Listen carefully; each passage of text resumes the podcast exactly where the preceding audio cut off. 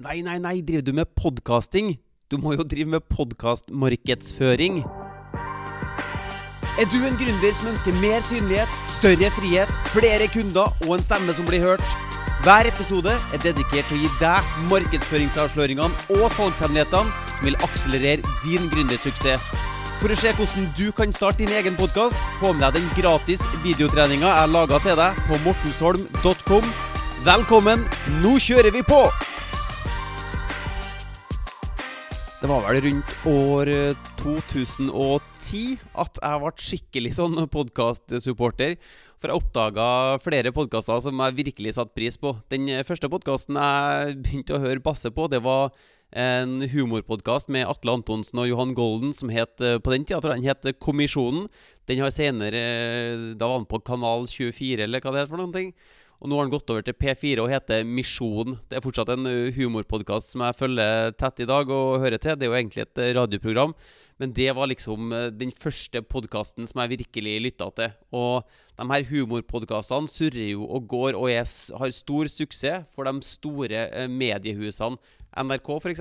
har jo populære, de to mest populære podkastene som finnes i Norge nå. Du har jo både Friminutt-podkasten med Herman Flesvig og Mikkel Niva.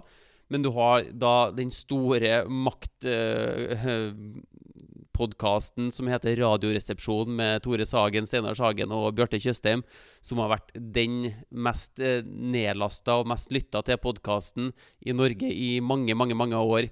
Sånn at det her humorpodkastene for de store mediehusene, der er ikke en bedrift bak som ønsker å tjene noen, noen, noen penger. Det her er bare servicen deres, eh, på sett og vis. da, At de skal underholde folket. Og så ser jeg at uh, flere gründere også angriper sin podkast fra den retningen der. At jeg skal starte en podkast hvor jeg da skal mer eller mindre underholde, eller jeg skal bare snakke på podkasten min uten at man har tenkt godt nok gjennom hva man ønsker å få ut av podkasten sin. For hvis du er en gründer, eller hvis du eier en liten bedrift, så har du ikke råd til å sitte og underholde folk på, på podkasten din, og så avslutte med det. Da, må, da i hvert fall mitt varmeste råd til deg å se på hva kan vi gjøre med podkasten din sånn som den er i dag. Eller hvis du ikke har en podkast ennå, hvordan kan vi starte en podkast for din bedrift som faktisk genererer betalende kunder og hjelper deg med å øke bunnlinja di, sånn at du kan posisjonere deg som en ekspert og nå ut til dine drømmekunder. Og da er det ikke nok med å bare underholde. Vi må start with the end in mind, som man uh, sier på engelsk. da. Uh, hvordan er salgsprosessen din, f.eks.? Uh, eh, vil du at uh, podkastlytteren skal ringe et telefonnummer? Vil du at den skal gå inn i en butikk? Vil du at de skal besøke en webside og registrere seg der?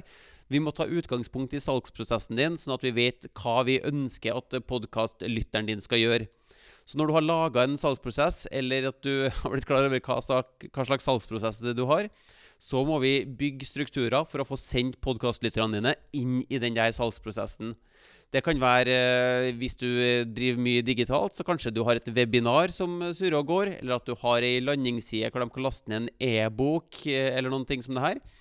Så da kan du bruke podkasten din til å si Hvis du ønsker å lære mer om ferdighet X eller løse problem Y, så kan du gå til url.com og laste ned den gratis e-boka, eller gå og se den gratis videoen som jeg har laga til deg, eller hva det skulle være for noen ting.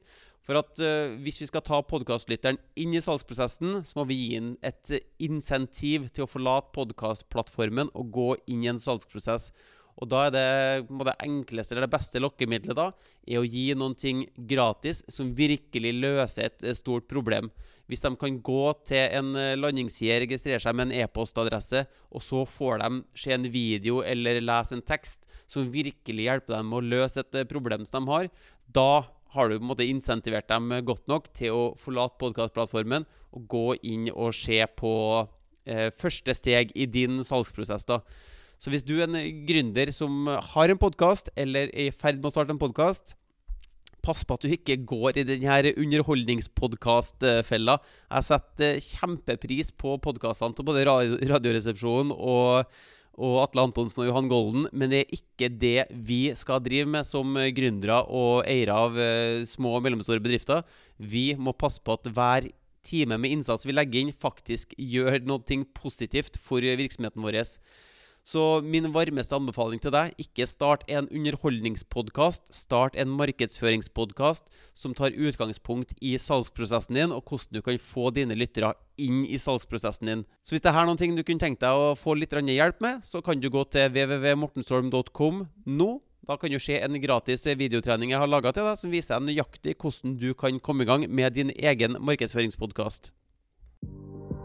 Hvis du vil lansere din egen podkast, sørg for å gå til mortensholm.com for å se den gratis videotreninga. Og hvis du vil ha flere episoder som det her, trykk på abonner-knappen, så høres vi i neste episode.